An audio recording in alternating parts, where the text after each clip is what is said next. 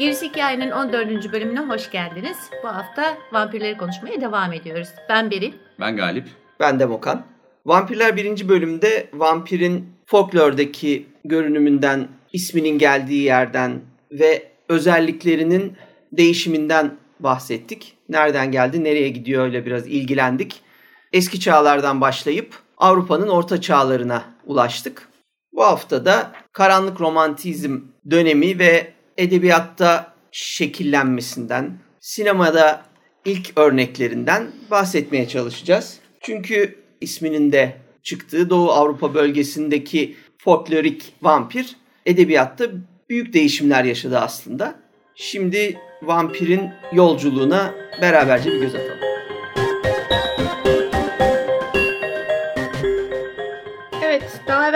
Bahsettiğimiz gibi özellikle Doğu Avrupa e, bölgesinden çıkan vampir söylenceleri Batı Avrupa'ya ulaştığında bu raporlar büyük bir yankı, daha doğrusu histeri oluşturuyor.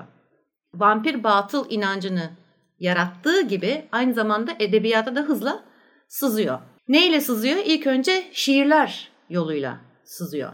İlk örneklerini şiirlerde görmeye başlıyoruz. Bunların en eski örneklerinden bir tanesi Der Vampire adlı bir şiir. 1748 tarihli bu şiir. Henry August Ossenfelder diye bir e, şair tarafından yazılıyor. Bu şiirde güzel olan e, bir taraf var. Yani vampir e, olgusunu e, işlemesi, e, ilk ilk defa işlemesi bir Alman şiirinde. Hem de ilk vampir konusunu işleyen şiir olması açısından önemli. Ancak bir de vampiri baştan çıkarıcı bir unsur olarak görüyoruz burada. Yani korku salmanın haricinde e, baştan çıkarıcı bir aşık edası var. Özellikle bu çok önemli bir detay. Çünkü folklorde Doğu Avrupa'da, Bulgaristan'daki vampir imajına bakarsak, geçen bölümde de kısaca bahsetmiştik. Çirkin, tanıdık, köylü, alt kesimden, toprağın içinden çıkan aslında bize bugün ilk düşündüğümüzde hortlağı anlatan yaratıklarken dediğim bu şiirle anlaşılan çekici, yakışıklı vampire bir geçiş oluyor. Aynen öyle ve de hani geçen bölümde konuşmuştuk hani bu vampir e, olgusu kadınla başlıyor nasıl erkeğe dönüşüyor diye. İşte bu şiirde mesela bunun örneğini görebiliriz çünkü anlatıcı bir erkek vampir. Bu şiirin bir başka özelliği daha var. Aslında sizi iki arada bir derede bırakıyor. Yani anlatıcının da yani seslenen kişinin de erkek vampir olup olmadığı konusunda şüpheye düşüyorsunuz. Çünkü orada e, Hristiyanlığa bir gönderme var. Diyor ki senin annenin sana öğrettiği Hristiyanlık öğretileri ne kadar doğruysa, ne kadar sağlamsa bir vampirin ölümsüz olduğu veya benim vampir olmam da o kadar doğrudur gibi bir gönderme yapıyor. Yani bu iki şey arasında bırakıyor sizi. Yani bu bir batıldır mı demeye getiriyor yoksa sen buna o kadar inanıyorsan bu gerçekse eğer ben de gerçeğim demeye getiriyor. Bu açıdan çok önemli bir şiir ve çok da güzel bir şiir. Hmm. Birkaç tane hani günümüzün İngilizcesine çevrilmiş e, örneği de var ama eski İngilizce ile yazılmış çünkü Almancadan İngilizceye çevrilmiş. Tabii ki Almanca'da olduğu kadar etkili midir onu tam olarak bilemiyorum ama İngilizce haliyle bile hala etkisini koruyabilen bir şiir olduğunu söylemem lazım.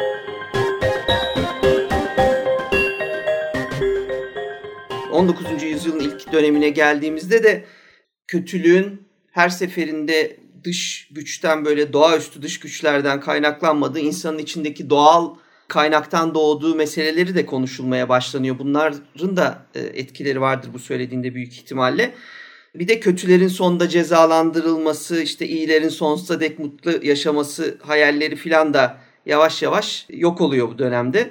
Yani dünya belirsizliklerle dolu ve hani romantik gotik yazında da esas objemiz toplumun sınırlarında yaşayan birey bireydir ve bu söylediğin adam da büyük ihtimal öyle, öyle bir birey. Öyle yani bir aslında bir çeşit e, batıla karşı baş kaldırış olarak da rahatlıkla görülebilir bu şiir. Ya da ve pek çok örneği olduğu gibi. Aşkından iyice yoldan çıktım ve e, artık bir canavara dönüştüm falan gibi. Orada Leyla ile Mecnun gibi de düşündüm. Artık vampir oldum aşkından gibi bir şey de çıkartabilirsin. Ya zaten şiirdeki maiden dediği yani e, bakire kız diyelim Hristiyan inançlarından dolayı zaten e, aşkını kabul etmiyor. Anlaşılan o şiirden e, adamın ve adam buna karşı çıkıyor. Yani senin inançların belki farklı bir inançtandı adam. Senin hani inançların ne kadar sağlamsa ben de vampirim o zaman geleceğim ve seni benim yapacağım diye bir tehdit de var zaten. Yani benim inandığıma inandıracağım seni gibi bir tehdit de var şiirde. Sonra gene bir Alman şaire geçiyoruz. Gottfried Augustin Berger, Lenore diye bir şiir. 1773 tarihli. Özellikle vampir edebiyatında önemli yeri olan bir şiir bu şiirde. Bunda tam olarak vampir kelimesi veya vampir şeyi geçmese de e, şiirde anlatılan ölü sevgilinin aslında ölmüş olan sevgilinin geri gelmesi ve onu bekleyen genç kızı haber yani ölümden haberi olmayan genç kızı alarak mezarına götürmesi ve onu da orada aynı şekilde hani ölümü tattırarak ona mezarına sunması da vampirik öğeler taşıyor. Ölümsüzlük işte e, ölümden dönme, mezarından çıkma vesaire türü e, şeyler ve yazın olarak da son derece bu edebiyat tarzına uygun olduğu için e, bu da önemli bir ne derler kilometre taşlarından bir tanesi olarak gösteriliyor. Sonra 1774'te Travels into the Dalmatia var Alberta Fortis'in. Bu bir yazı, düz yazı ama şey daha çok gözlemleriyle alakalı bir yazı. Bu vampir söylenceleri işte e, folklorik öğelerle ilgili. Yani bununla ilgili işte ölüm, ölü gömme adetlerinden ilgili bir takım şeyler yazmış. İşte e, hani senin bahsettiğin yanlış gömülmeyle vesaireyle e, ola gelen yani vampirizm söylencesine ne sebep olmuş bunu irdeleyen bir e, yazın diyelim. Hemen ardından The Bride of the Corinth geliyor 1797'de. Goethe'nin eseri bu. Şimdi bu eserde şöyle bir e, nokta var. Goethe'nin iki eserden etkilendiğini söylüyorlar bu eseri yazarken. Bir tanesi Trales'le Flego'nun Maiden Flinignon'un hikayesinden esinlendiğini söylüyor. Bir diğeri de Dianalı Apollonus'un hayatını yazan Philostratis'ten etkilendiğini yani Menip, e, Menipus ve Empusa'nın etkili olduğunu, hikayesinin etkili olduğunu söylüyorlar. Zaten Empusa'yı konuşmuştuk hatırlarsanız Yunan mitolojisinde vampir söylencelerinin bağlantılı olduğu varlıklardan bir tanesiydi. Lilith'le mi konuşmuştuk onu? O Lilith yani Lilith'in yanı sıra demiştik yani Lilith haricinde özellikle Yunan'da e, ne tür örnekler var, Roma'da ne tür örnekler evet. var diye. İşte burada işte Empusa, Lamia vesaire önümüze çıktığı zaman bu Empusa da o Empusa evet. E, evet. oluyor. Tabii bu hikayeyi ben okumadım ama şöyle bir göz gezdirdiğim zaman genç bir kadın işte kederinden ölüyor ve mezarından dönüyor. Göten yani Göte'nin kullandığı şey bu. Kalıp bu evet. hikayesinde. Yani vampirizmi bu şekilde ortaya sunuyor. Göte'nin bu şiiri için pek çok yorum var. Yani pek çok işte şuradan esinlendi, buradan esinlendi, işte şu hikayeden veya işte Doğu Avrupa'dan gelen raporlardan esinlendi diye pek çok şey var. Ama şiirinin güzelliği de burada her türlü esin kaynağını görebilirsiniz ama aynı zamanda kendi içine başlı başına bir eser ve güzellik taşıyor. Ki Göte'nin e, Faust'ta da Lamia'yı kullandığını ayrıca yani bu konularla ilgili olduğunu Keats'in Lamia'sını saçlarıyla adamları yakalayıp e, etkileyen Lamia'dan bahsettiğini de Lilith'te söylemiştik. Evet. evet. Ardından Talaba Destroyer geliyor. 1801 ama bundan hemen önce başka bir şeyden bahsetmek istiyorum. Bu da bir şiir. Fakat o araya yani bütün bunları araştırırken daha sonra bulduğum 1800'lerde yazılmış bir vampir hikayesi yani novella daha doğrusu giriyor. O da Johann Ludwig Tieck diye bir yazarın Wake Not the Dead adlı eseri. Ölüyü uyandırma. Ölüyü uyandırma. Ya da uyandırma ölüyü biraz daha lirik mi olsun? Evet. Aynen Çünkü öyle. Wake Not diye geçtiğin için.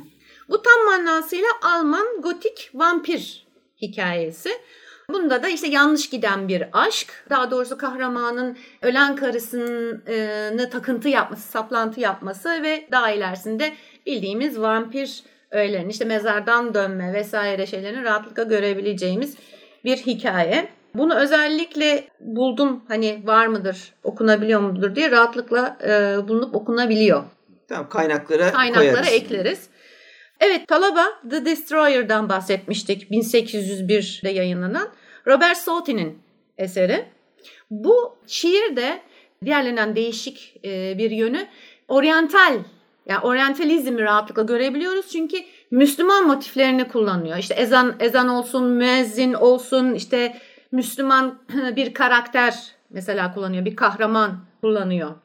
Aynı şekilde bir macerayı anlatıyor ve içinde vampirler hatta vampir gelin konusunu çok fazla da şey vermek istemiyorum. Hani çok fazla da spoiler vermek istemiyorum okuyan için. Evet. 12 bölüm olarak yapılmış bir şiir. Bayağı uzun bir şiir. Ve dediğim gibi tamamen Müslüman şeylerini içeren işte kafirinden tut diğer şeylerinden rahatlıkla görülecek bir. Binbir Gece masalları aslında o dönem çok etkiliyor.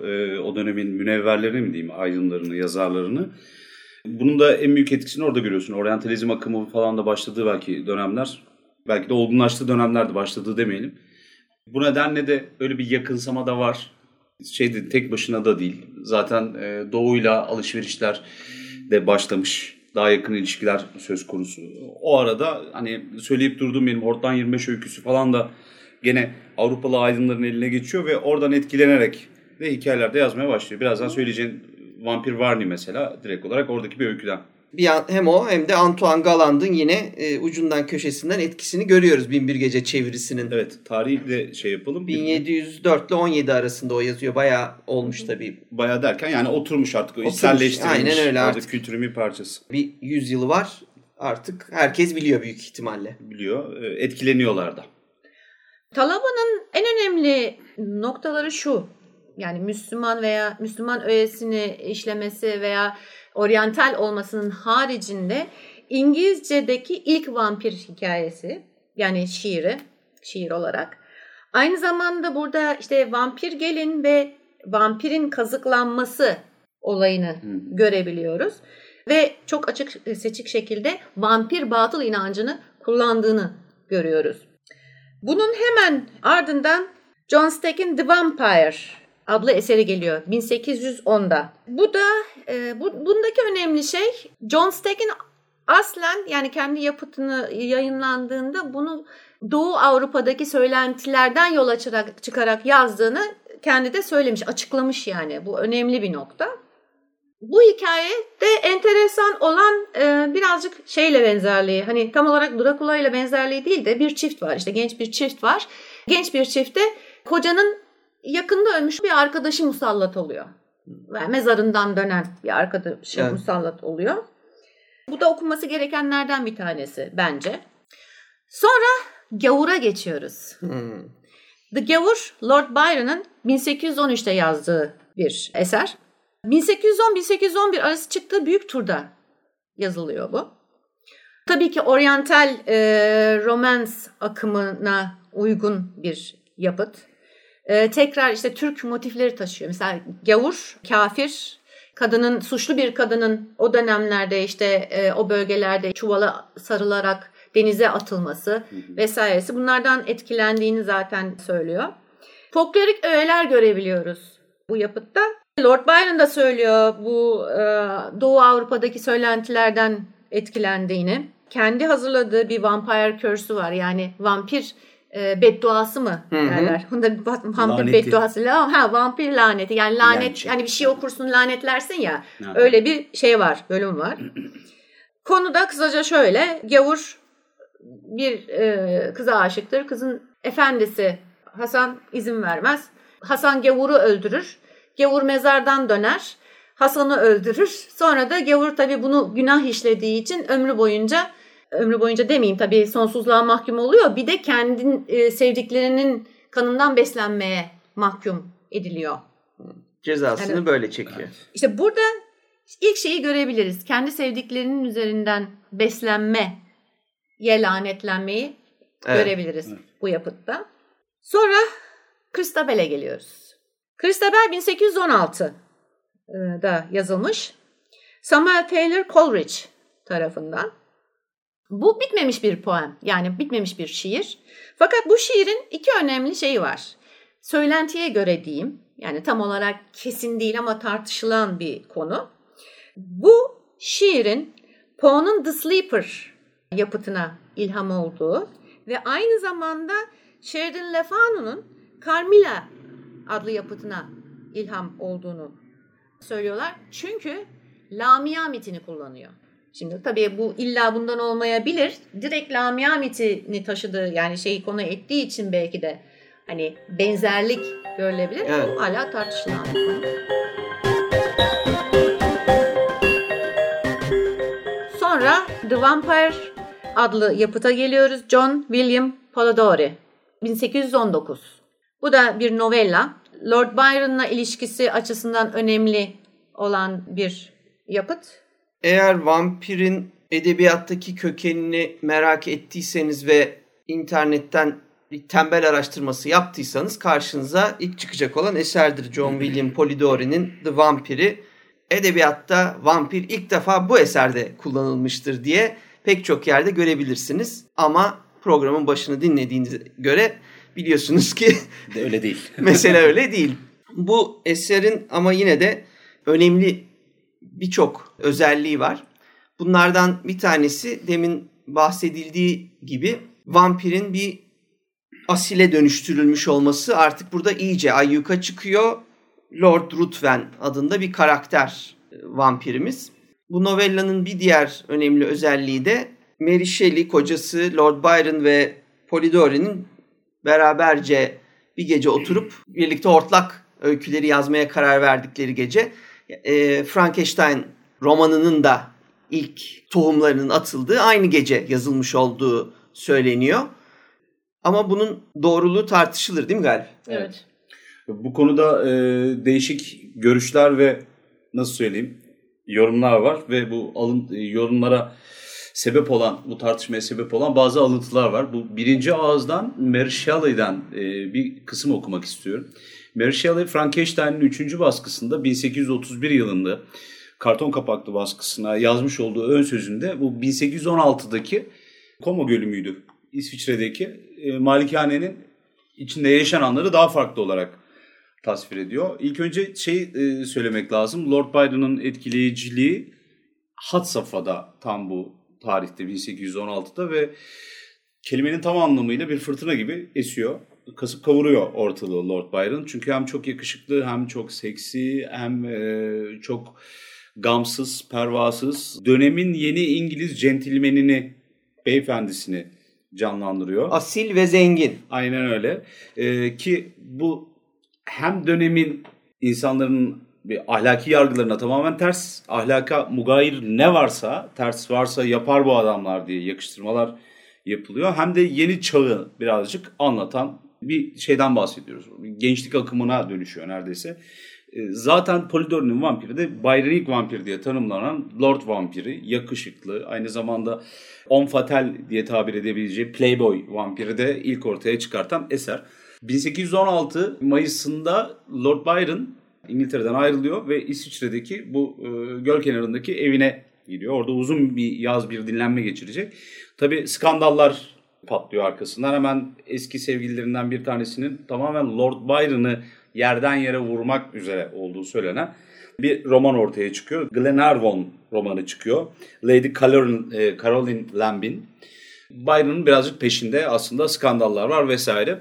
Bu esnada Percy Shelley, e, Mary Godwin, Polidori ve e, söylemiyorlar ama 5. vatandaş da şeyde konuk da şey olması lazım. Percy'nin kız kardeşi olması lazım. Lady Claire. Şatonun içerisinde ya da işte malikanenin içerisindeler ve e, Mary Shelley de seneler sonra üzerinden 15 yıl geçtikten sonra kendi romanında kendi şahitliğini şu şekilde anlatıyor. Dinmek bilmeyen Yağmur bizi sık sık günlerce eve kapatıyordu. Almancadan Fransızca'ya çevirmiş hayalet öyküleri geçmişti elimize. Günahkar bir aile babasının öyküsü vardı mesela. Adam mahvolmaya yazgılı evindeki e, yazgılı evindeki genç oğullarına önceden belirlenen yaşa geldiklerinde ölüm öpücüğü vermeye mahkum edilmişti. Bu hikayeleri o vakitten beri görmedim ama geçen olayları dün okumuşçasına canlı bir şekilde hatırlıyorum. Her birimiz bir hayat, hayalet öyküsü yazalım dedi Lord Byron. Teklif hemen kabul gördü. Dört kişiydik. Yani biraz önce söylemiştim. Lady Claire'den bahsedilmiyor. Dört kişiydik. Soylu yazar derhal bir öyküye başladı. Bunun bir parçasını Mazhep şiirinin sonunda yayınlayacaktı. Shelley, eşi e, Percy Shelley'den bahsediyor. Daha henüz O esnada evli değiller. Shelley önceki deneyimlerine dayanan bir hikaye yazmaya koyuldu. Zavallı Polidori, bu da bizim meşhur Polidori'miz aslında. Zavallı Polidori'nin kuru kafalı bir kadınla ilgili berbat bir fikri vardı. Kadın bir kapı deliğinden içeriği gözetlediği için cezalandırılıyordu. Neyi görmek istediğini hatırlamıyorum. Çok yanlış ve çok sarsıcı bir şey olduğu kesin tabii. Mary Shelley'in tam bir Victorian dönem, erken Victorian dönem hanımefendisi olduğunu da ayrıca belirtmek lazım. Ee, adab muaşerete çok dikkat eden son derece ahlaklı bir hanımdan bahsediyoruz. Ya da ne bileyim öyle bir portre çiziyor. Meşhur şairler Nesrin yavanlığından rahatsız olup nahoş vazifelerinden hemencecik vazgeçtiler. Bense kendimi bir öykü düşmeye verdim. Bizi bu işe kalkışacak kadar heyecanlandıran o öykülere rakip çıkacak bir parça. Öyküyü düşündün mü diye soruyorlardı bana her sabah ve her seferinde beni yiyip bitiren olumsuz bir yanıt vermek zorunda kalıyordum. Lord Byron'la Shelley arasında uzun süreli pek çok sohbet yaşandı. Bense hevesli ama neredeyse sessiz bir dinleyiciydim. Bu sohbetlerden birinde çeşitli felsefi doktrinler tartışılıyordu. Hayat ilkesinin doğası bunun keşfinin ve naklinin mümkün olup olmadığı gibi. Bundan sonra devamında da Frankenstein aslında nasıl yazdığı anlatılıyor ama genel olarak çerçeve şöyle çizilebilir. 4-5 kişi e, varlıklı bir tanıdığın son derece ilgi çeken ve içinde de skandallar yaşandığı düşünülen bir malikanesine gidiyorlar ki Byron'ın malikanesinin etrafında turistik turlar düzenleniyor artık. İnsanlar dürbünleri almışlar. İçeride acaba hangi ahlaksız parti ya da e, maddeci partiler düzenlenecek diye düşünüyorlar. Etraflarında dürbünde gezinen insanlar var falan. Böyle sansasyonel bir şatonun içerisinde yaşananları birinci ağızdan Mary Shelley böyle anlatıyor. Polidori'nin vampirinin de ilk olarak akla orada gelmediği söyleniyor ama Lord Byron'ın etkisi tartışılmaz. 1819'da bunlar 3 yıl sonra bu roman, novella yazılıyor. Ve bu, burada Lord Ruthven adlı etkileyici bir karakter var. Aubrey diye de bir genç kahramanımız var. Bu ikisinin ilişkileri anlatılıyor. Bir yandan Lord Byron'la Polidori'nin de Polidori Lord Byron'ın kişisel doktoru. O dönemde öyle bir şey var. Bir süre için en azından. Onların arasındaki ilişkiyi de hatırlatan bir şeyle beraberce bir partide tanışıyorlar. Orada bir kadını hemen etkiliyor Lord Ruthven e, özellikleriyle. Aubrey bu vampirlik meselelerinden pek haberdar olmasa da o da aslında biraz etkileniyor bu adamdan ve birlikte gezmeye başlıyorlar. Ama kısa süre sonra Aubrey ayrılıyor yanından Yunanistan'a gidiyor. Yunanistan'da bir hancının kızı Yante'ye aşık oluyor. Yante ona vampirlerden bahsediyor. Buradaki folkloru anlatıyor bu hikayede. Ama vampirlere inanma, inanmamaya devam ediyor Aubrey. Lord Ruthven'le olan ilişkisine rağmen. Daha sonra Yante bir vampir tarafından öldürülüyor. Ve Aubrey Lord Ruthven'in yanına geri dönüyor ama hala bu işleri ne Ruthven'e bağlıyor ne vampirlere bağlıyor. Bundan sonra da Ruthven Aubrey'nin kız kardeşini bu sefer etkiliyor ve bakalım sonunda ne oluyor. Sonunu da. Söylemeyelim. Ben hemen orada şeyi söylemek istiyorum. Yani bu olaylar yaşandığında göl kenarındaki malikanede kalmak, daha sonra ondan ayrılmak gibi hadiseler olduğunda gerçekten Polidori kahramanı gibi, insan kahramanı gibi, Aubrey gibi genç yaşında. Yani aralarında e, ne kadar var? Bir tanesi 18 10-15 yaş gibi bir fark var. Belki. Aynı zamanda kendini bir rol modeli olarak da Byron'ı görüyor. Biraz Polidori ama Byron tabii birçok özelliğiyle ulaşılmaz vaziyette. Bir defa Polidori zengin değil. Net bir şekilde bir ya bugün sponsor diyorlar ama hamisi yok onu okutacak ya da cemiyette daha büyük yüksek seviyede paralı insanlarla tanıştıracak şu bu. Bu nedenle bir Lord Byron'la çok başka bir ilişkisi var. Ondan da çok etkileniyor bu ortada. Kitabında yazmış olduğu Byron'da şeyde Lord Ruthven de aslında Byron bu çok net. Kendisi de o diğer kahraman çünkü hem genç hem yeni fakülteyi bitirmiş. Evet ve sonuçta da zaten gerçek hayatında e, ilişkileri kısa sürede bozuluyor. Kumara da düşkün Polidori borçlarını ödeyemez hale geliyor ve 25 yaşında da zaten intihar ediyor. Evet. Polidori'den sonra hemen bakıyoruz 1836'da La Morte Amorus ortaya çıkıyor. Dead Woman in Love. Aşık ölü kadın. Ölü kadının aşkı. Ölü kadının aşkı. Aşkın bir ha. ölü gibi ya da, da olabilir ölü yani. kadın evet. aşık da olarak da çevrilebilir. Fransa'dan bu e, kısa hikayemiz Teofil Gautier tarafından yazılmış. Bir rahibin ölü bir kadına, bir vampire olan aşkını anlatıyor. Bu hikayede de oryantalizm kullanılmış. Atmosferi yaratmak için aslında Atmosfer, değil mi? Evet aynen. Atmosferde. Dekor gibi. Evet. Bunun ardından 1843'te The Family of Vurdalak var. Kont Alexis Tolstoy'un Evet. bu vampir hikayesi. Ee, bu hikayeyi Rus elçiliğinde Fransa'ya ziyareti esnasında e, yazıyor. Bu Vurdalak konusuna biraz değineceğim. Vurdalak ismi Pushkin tarafından Rusça'ya sokulmuş bir isim ve Yunanca'dan alınmış. Vrukolakas adlı. Bu da şey demek ceset, Yaşayan ceset. yaşayan Evet. ceset şeklinde bir kelime. Ölmemiş yani. Öl ha, Ha, evet, ölmemiş. Evet. evet. Hemen ardından Varney the Vampire geliyor. James Malcolm Reimer'ın. Bu 1847'de yayınlanan bir eser. Daha doğrusu bir eser demeyeyim. Bu küçük kitapçıklar halinde satılan ve çok ucuza satılan hikayelerden oluşan bir yapıtlar silsilesi mi desem daha doğru olur. Tefrika diyebiliriz Tefrika, ona. evet, Seri denilebilir. hikayeler. Daha sonra bunu zaten Penny Dreadfuls olarak e, şey yapacağız, e, Evet. göreceğiz. Hemen ardından Paul Feval geliyor. Ben hiç duymamıştım bu yazarı ve hani merak ettim sadece tek bir yani tek bir şeyle mi onun için mi duymadım diye. Neden duymadığımı da anlayamadım. Fransız e, yazar. Hayatın yani çok fazla yazısı, çok fazla eseri yok ve e, yazın hayatını çabuk bitirmiş bir yazar gördüğüm kadarıyla, okuduğum kadarıyla. E, fakat üç tane bir, üç tane eseri var. Daha doğrusu üçlemesi gibi düşündüm ben onu. Nightshade, The Vampire Contest, bir de Vampire City diye. Henüz okuma şerefine eremedim. E, bunu kesinlikle listeye aldım. Öyle söyleyeyim. Çünkü epey bir övülüyor yapıt olarak. Ondan hemen sonra da mutlaka çoğumuzun bildiği Carmilla geliyor. Sheridan Le Fanu 1872. Bu Carmilla'da hem gece gelip uyurken nazik nazik kanını emen vampir imajı hem şekil değiştiren vampir imajı iyice iş- işlenmeye başlıyor. Kahramanımız Laura 6 yaşındayken bir kabus görüyor. Kabusunda onu göğsünden bir şey ısırıyor. Ama bunun gerçekte kanıtı bulunamıyor, bir yara bulunamıyor vesaire. Aradan yıllar geçiyor. 18 yaşında evlerine, babasıyla yaşadığı şatolarına bir misafir gelecek general. Kızıyla beraber gelecek ama tam aynı dönemde kız garip bir şekilde ölüyor. Ve o yüzden adamın gelişi gecikiyor. Derken annesiyle beraber Kalmilla diye bir kız bunlarla bir kazara tanışıyor. Bu eve geliyorlar. Annesi uzaklara gitmesi gerekiyor. Kızı yaşıtı kızı bırakıyor ve evden uzaklaşıyor.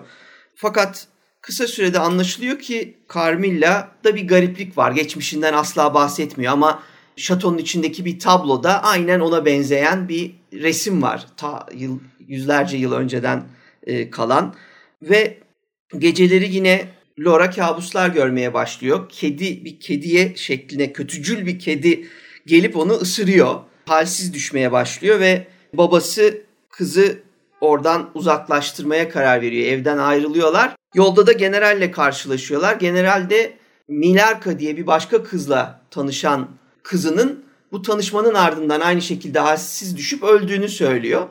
Buradan bağlantıyı kuruyoruz ki Milarka zaten bir anagram, Carmilla'nın anagramı ve bu bölgede Carmilla'nın bir geçmişi var ve o bir vampir. Ve ondan sonra yine olaylar hızla gelişmeye başlıyor. Bir vampir öldürme süreci başlıyor bu sefer. Bir vampir avına çıkıyorlar değil mi?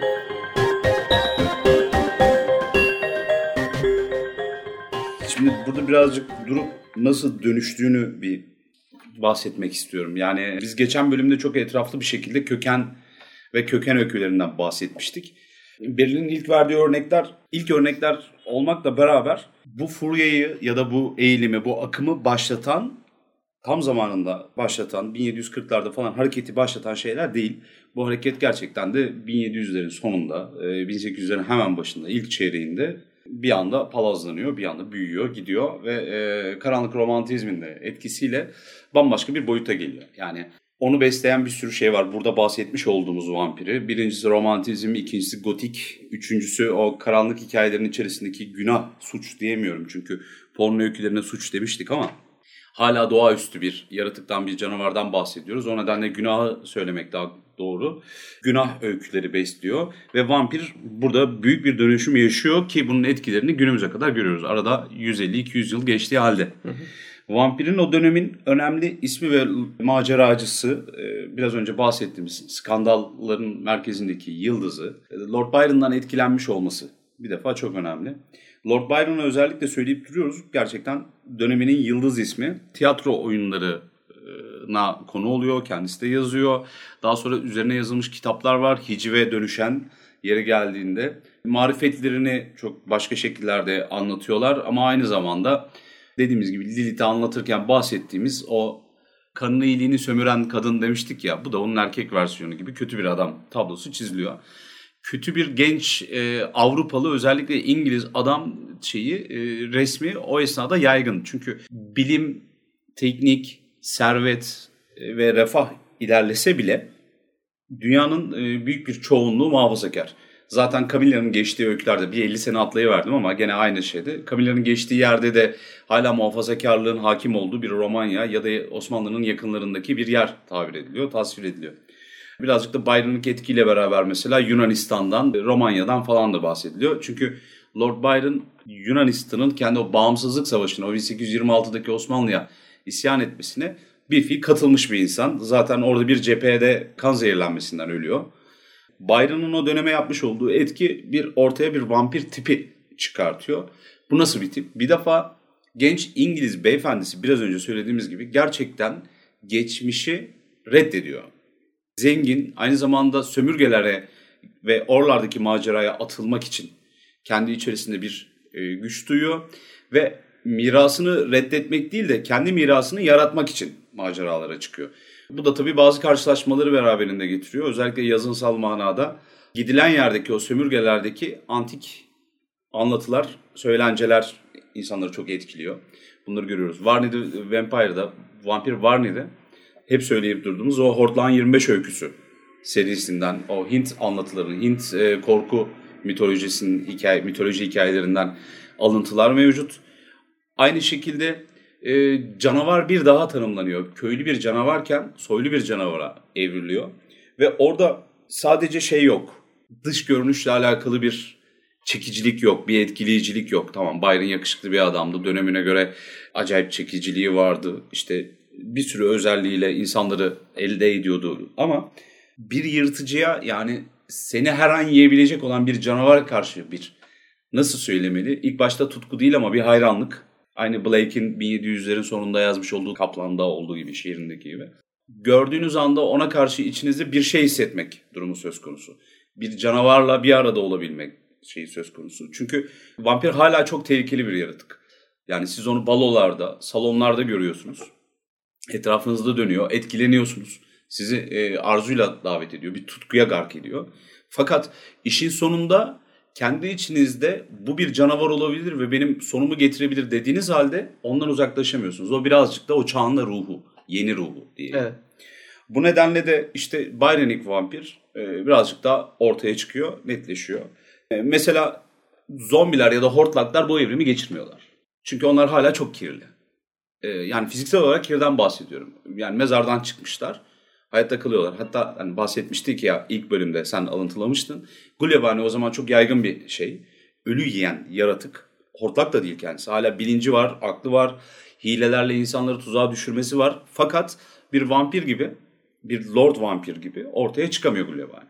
Aslında bir örnek vereceğim hemen ufak bir örnek. Warm Bodies'i düşünecek olursan filmi e, zombilerin de romantik bir yaratığa dönüştüğünü görebilirsin yavaş yavaş. Örnekleri var ama bir ahlakın hakim olduğu yerde çok müsaade edilmemesi durumu var. İlerleyen dönemde bir 50-100 sene sonra bunun da kuralları ufaktan ortaya çıkıyor. Vampir tam da edebiyat yüzünden temizleniyor, asil oluyor, geceleri sessizce hareket edip sizin kanınızı emebiliyor. Oysa kökenine indiğimizde hepsi hortlaktan, hepsi guldan geliyor. Evet, hepsi evet. ki vampir, ilk vampir de köylü, pis, hatta tanıdık, gürültücü, eşyaları kıran, gelip bir şeylere Akıllı zarar değil. veren konuşmuyor e, senle yani. Bir, bir yaratık. Düşünsene yani gerçekten de konuşmuyor senle. İletişimi tek yönlü. Sadece şiddet ve seni yok etmek üzerine kurulu olan bir canavardan senin üstünde olan ve senden daha zeki bir yaratığa dönüşüyor. Aslında belki de en büyük hediyesi o. Öyle ki arzuyu getiriyor. Bu da erotizmi getiriyor aslında. Evet. Kan içmeyle de aslında kan içmenin hem tabu olması evet. hem de gece baş başa yapılan e, çok sohbetlerin e, çok e, yani ne denir çok yakın çok böyle iç içe bir şey olması da bu erotizmi yükseltiyor. Kesinlikle öyle. Bir de erotizmin e, bir şekilde oradaki toplum yapısında bir yere akıtılması gerekiyor.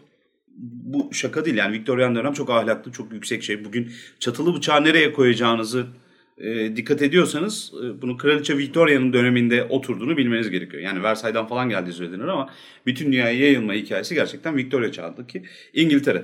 Bunlar bu şekilde ortada iken, bu kadar ahlaklı bir edebiyat konuşulurken, savunulurken bir canavarın bunu üstlenmesi gerekiyor. Ama yani erotizm hala sahneden çekilmiş bir şey değil. Fakat kötülenme durumları var mesela erotizmin. Bu arada Christopher Freiling'in 1979'da yazdığı ve Varlık Yayınlarından 2009 senesinde çevrilen dilimize kazandırılan Vampirizm kitabından bu alıntıyı yapmak istiyorum. Vampirizmin psikolojik anlamı ensestin, ölü seviciliğin, oral anal sadistliğin iç içe geçtiği bir tür güreş karşılaşmasıyla özdeşleştirilebilir. Ya bu ne demek? Tamamen grift bir yapı içerisinde birbirinin içerisine geçmiş bir vaziyette ne kadar kötü duygunuz varsa atıyorsunuz. Yani kirli dolabı gibi düşünebilirsiniz vampiri aslında duygular açısından. Evet. Esas olarak neredeyse her şey mübahtır. Bir vampir konuşuyorsak. 19. yüzyılda pek çok yazar vampirizmle cinsellik arasındaki ilişkiyi büyük ölçüde böyle kurmuştu. Fizyonomist Lavater solgun bir yüz cinsel zevke karşı doğal bir eğilimin belirtisidir diyordu. Alman romantik dönem şair Novalis, cinsel arzu belki de yalnızca engellenmiş insan eti yeme arzusudur diye düşünüyordu. Buyurun. Ve vampir artık masasında bifteğini kesen bir adam gibi henüz o an düşünülememiş ama Lecter'da biz bunu gördük hatırlıyorsanız. Öyle bir dönüşüm geçirmemiş ama çok daha rafine bir şekilde kolayca ve masalların da arka taraftan getirmiş olduğu bir birikimle beraber bir anda insanların kanını içen saraylarda, şatolarda yaşayan, şatafatlı bir hayat yaşayan bir canavara, çekici bir canavara dönüştürülüyor. Ve e, uzun bir zamanda böyle devam ediyor. Ayrıca başka bir dönüşüm de var. İlk vampir örnekleri kurbanını öldürürken bir süre sonra gelişmiş vampir örnekleri kendi gibi vampir yaratma gücüne de evet. sahip oluyor. Banson'ın Vampire, The Encyclopedia'dan bir vampir tanımı bin yıllardır insanlar arasında yaşayan, karan, tarihin en karanlık dönemlerini atlatmış eşsiz bir yaratık. İnsanları ısırıp kendi türünü yaratıyor ve bu belki de bizi yaşayanlar ve ölüler arasında son bir savaşa götürecek. Evet yani bu ıı, ışığın oğullarıyla karanlığın oğullarının savaşı hikayesi biraz daha geliyor. Gerçi şimdi onlar pek kalmadı. Ne kadar güzel oldu kalmadığına da çok seviniyorum. Geçtik. Evet o siyah beyaz alanlar çok kısıtlıyordu kısır bir sanat yaratıyordu. Şimdi insanları başka şeyleri düşünmeye sevk ediyor. Neyse Bayrenik Vampir'de durum böyle. Onun yaratmış olduğu karakter ve atmosfer aslında çok etkiliyor. 1800'lerin sonuna kadar da bir dehşetin cazibesi gibi devam eden bir şey var. E, korku anlatısı var. 1880'de After 90 Years yani 90 yıl sonra adlı eserle e, karşılaşıyoruz. Sırp bir yazar tarafından yazılmış Milovan Glisic diye. Burada bir köy hikayesi var. Köyde geçen yani biraz Anadolu korku öykülerini hatırlatır bir şey. Ee, şöyle ki kahramanımız zengin bir adamın kızına aşık fakat zengin adam bunu tabii ki istemiyor. Bunun üzerine işte orada e, musallat olmuş bir vampir var e, uzun senelerdir. Diyorlar ki git bu vampiri yakala hiç olmazsa şey kazanırsın, önem kazanırsın, bir işin olur. Ee, belki adam da sana izin verir kızıyla evlenmesine. Neyse kahramanımız bir şekilde sonuçta bir vampir yani nasıl? Böylece yani bir de vampir avcısı da galiba başlamış oluyor. Aynen, aynen, aynen. Kahramanımız hemen bir tuzak kuruyor ve kendi yatıyormuş gibi bir yer yapıyor vampirin geleceği yere. Vampir de hakikaten kanıyor adam diye üstüne atlıyor. Bakıyor ki kandırıldı. Diyor ki 90 yıldır kim yani bu kadar yanılmamıştım. Hani tufaya düşmemiştim. Zaten hikayede oradan alıyor e, ismini. Fakat dediğin gibi vampir avcısı veya işte vampirin peşinden giden tuzağa düşüren şeyi örneği burada görebiliyoruz. Ondan sonra 1800 gene 80'de The Fate of Madame Cabanel diye bir yapıt var. Ezaline Linton tarafından yazılmış. Yalnız bunun 1873'te yazıldığına dair bir iki tartışma gördüm. Öyle de olabilir. New York Times'ta yayınlandığına dair bir şey var. Onu bir kontrol etmek lazım. Ama genelde geçen 1880'de yazıldı. Hı hı. Monsignor Cabanel diye bir adam var. Seneler sonra işte uzak gittiği uzak bir ülkeden yabancı bir gelinle geliyor.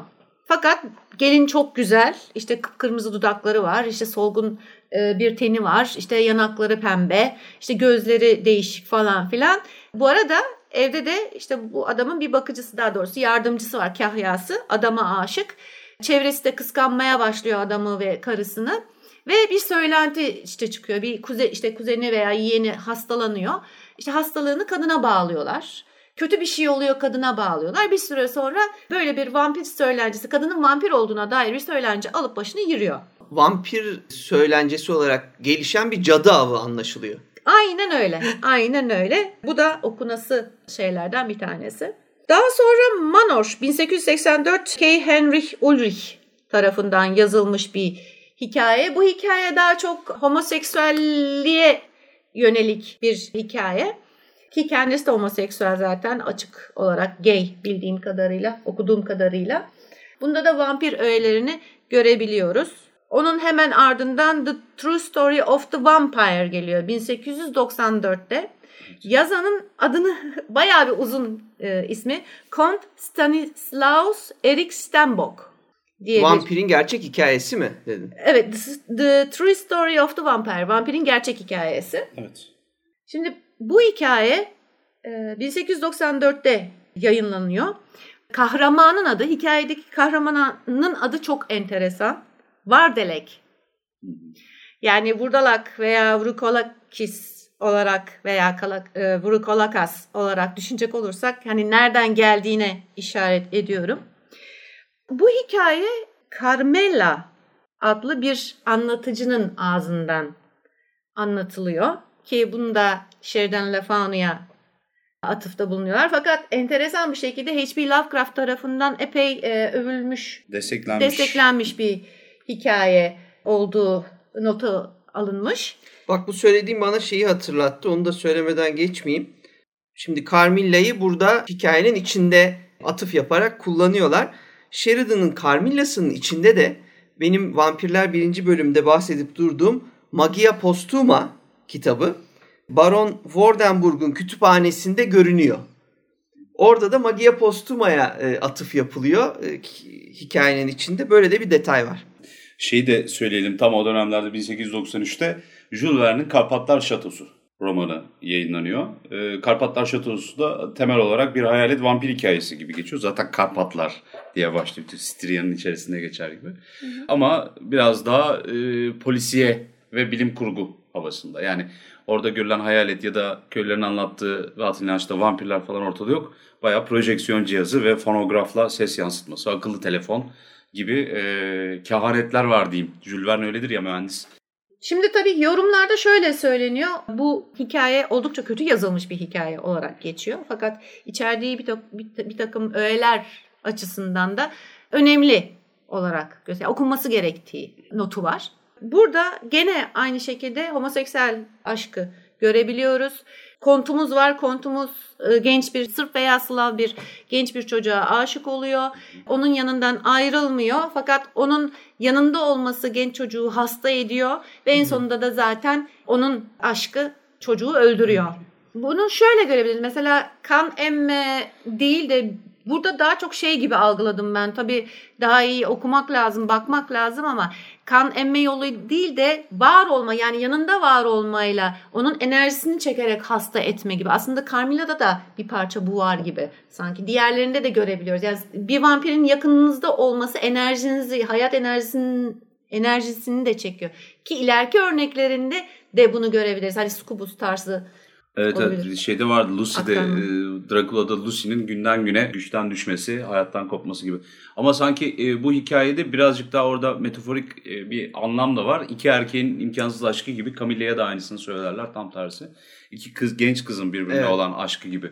Ama yani bayağı ciddi yasak e, bir şeyden Yasak aşk. bahsediyoruz. Yasak Ve aşk, evet. zamanla da birbirlerini öldürüyorlar. Çünkü zaten toplum ya da içinde yaşadıkları atmosfer buna müsaade etmiyor. Birbirlerine zarar veriyorlarmış gibi bir hicvedilmiş gibi görünüyor. Ama anlatımıyla alakalı bir iki tane not var. Benim çok sevdiğim Reşat Ekrem Koçu'nun o kıvrak, lezzetli anlatımı gibi. Yani bir erkeği bir erkeğin bir aşkla tarif etmesi üzerine şey var. ince detaylar var. Elimdeki kitaptan bir, bir okumak istiyorum. Epey uzun boylu, sarı, dalgalı, upuzun saçları pürüzsüz yüzüne bir kadınsılık katıyordu. Endamında yılan kavi bir hava vardı. Şimdi ne kurbanı ne vampiri anlatırken bir erkek e, bu kadar şey detaya girmez. Bir yandan da gözünüzün önünde bu kadar canlı bir resmi çizmez, çizemez. O nedenle de Stenbock'un bu e, şeyi kitabı bence önemli. Bir yandan da Drakula'ya bayağı iyi paslar vermiş gibi geliyor bana. Tabii ki. Beslemiş yani. Evet bunun ardından Lilith var. George MacDonald tarafından 1895'te yazılmış. Ee, Bir ayna ile ilgili bir şey anladığım kadarıyla bir adam bir aynaya bakıyor. Orada bir adam görüyor ve onu izlemeye başlıyor ve hayatı asla bir daha aynı şekilde olmuyor gibi. Belki ilk defa dinleyenler olabilir. Lilith'i merak edenler olursa bizim başta Lilith bölümümüz var. Onu dinleyebilirler. Beşinci bölümümüz Lilith'i baştan sona bütün detaylarıyla anlatmaya çalıştık. Onun ardından da zaten bizim çok sevdiğimiz Dracula geliyor. Bram Stoker'ın 1897. Evet. Ee, şeyden bahsetmek istiyorum. Ben de e, bu hikayeleri anlatırken aslında Drakula'nın bir sonuç olduğunu söylemek lazım. Belki ileride yapacağımız bir müstakil bir Drakula bölümünün de ufaktan şeyini reklamını olsun diye de söyleyeceğim. Drakula bir sonuç. Byron'daki etkiyi görüyoruz. E, Lord Vardalik'i orada aynı şekilde görüyoruz. E, bütün bir edebiyat toplamını bir şekilde orada görüyoruz. Tarihten de hala etkileniyor ve işte mesela Mavi Sakal adıyla meşhur 1440'da yargılanıp asılan idam edilen Gilles de Rais, Mareşal Gilles de Rais'in Fransız hikayesinin anlatıldığı Huysman'ın Dander romanı var. Bu da işte 1891 tarihli. Burada gerçekten de e, Gilles de ita- şey yapılan, e, isnat edilen suçlar yani yüzün üzerinde hatta birkaç yüz tane küçük çocuğu öldürmek, onların cesetlerini yakmak ve kafa taslarından bir şekilde bir koleksiyon gibi e, bir oda dizmek kendi şatosunun içerisinde gibi sapkın suçları bir vampir ya da bir canavar olarak anlatılması söz konusu. E, romanın adı Aşağıda yani değil mi? Ya aslında bir kuyuya atılmış ya da zindandaymış gibi de düşünebilirsin. Okey. Tam şey tercüme edemedim ama açıklama vereyim dedim. Ee, bu önemli. Bir de Mopasa'nın Horlası var. O dönemde herkes seksi ya da cismani bir şekilde ortada karizmasıyla dolaşan e, partiler gezen, karşınıza alıp konuşabileceğiniz bir vampirden bahsederken Horla'da birazcık daha psikolojik bir korkunun yer ettiği ruhsal varlık halindeki bir vampirden bahsediliyor öykünün içerisinde ve e, ondan kurtulmanın da pek bir yolu olmuyor. O çok değişik bir bakış açısı getirmiş. Ama yani Horla'yı vampir anlatısının içine koyar mıyız? Gerçekten bir Lilith vari bir şekilde ya da Karabasan gibi, al karısı gibi göğsüne çöküp de oradan kan emme, işte günden güne zayıflatma vesaire gibi. Şimdi bunların hepsi toplamda Drakula'yı da yapıyor. Çünkü Drakula bu formların hepsinde bulunuyor. Arada kurda dönüşenlerden falan da tam bahsetmedik. Çok geniş bir tür olduğu için. Bu nedenle önemli bir sonuç aslında. Zaten hani erken örneklerine bakacak olursak hepsi yani genel kanı işte Bram Stoker bundan etkilendi, işte şundan aldı, işte şundan ilham geldi, bundan ilham geldi.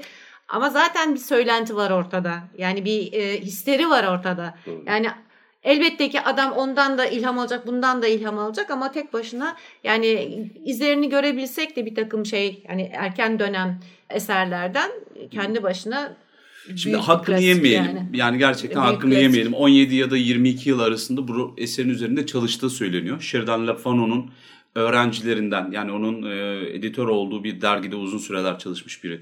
Bram Stoker. Ve Bram Stoker'ın sonraki romanları bunun kadar etkileyici değil. Yani Türkçe'ye 7 yıldız e, mücevheri çevrilmişti galiba.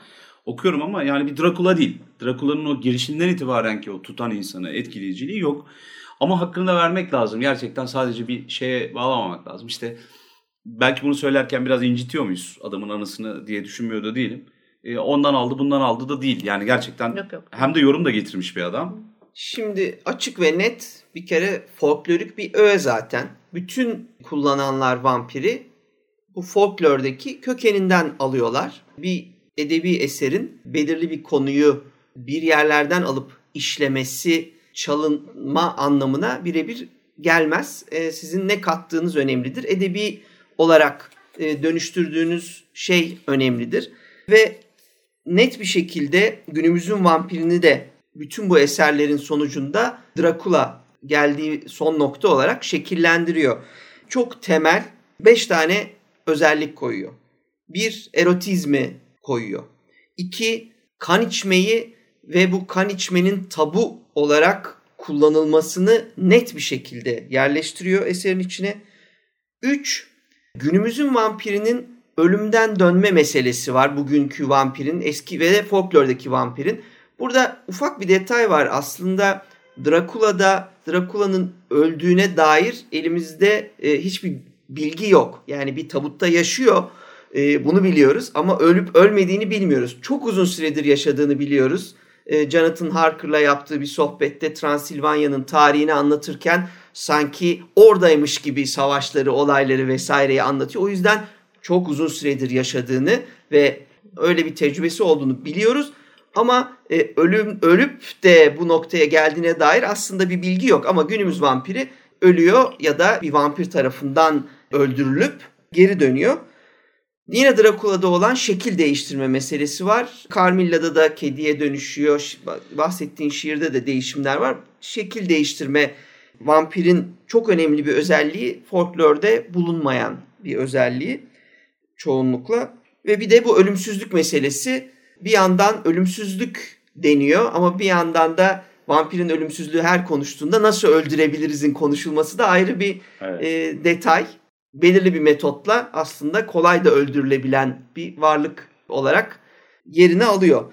Gelecek programlarda Vampire Dracula ile devam ederiz. Evet. Dracula üzerinden bu, bu programda sinemadan da bahsederiz demiştim ama Yok, konu yetişmedi. konu oraya gelmedi. Aslında Dracula orada güzel bir dönemeçi de sergiliyor. Sinemanın gelişiyle beraber en çok ilgi çeken ve insanları da salonlara bir şekilde celbeden birkaç anlatılan filmden bir tanesi Dracula. 25'te, 32'de, 22'de değişik filmlerle hatta günümüzde bile. Bugün Dracula filme gelsin gene iyi bir filmse kapalı gişe oyna. Ve o nedenle de sinemayı da destekliyor. Onu da ayrıca düşünmek lazım. Orada Dracula'yı anlatırken edebiyattan sinemaya geçişini de çok güzel anlatabiliriz. Evet. Gelecek programlarda dediğim gibi Dracula üzerinden hem edebiyattaki hem sinemadaki bütün sanat dallarındaki vampirin gelişimini incelemeye devam edeceğiz. Evet bu haftalık da bu kadar. Ee, görüşmek üzere. Görüşmek üzere. Görüşürüz.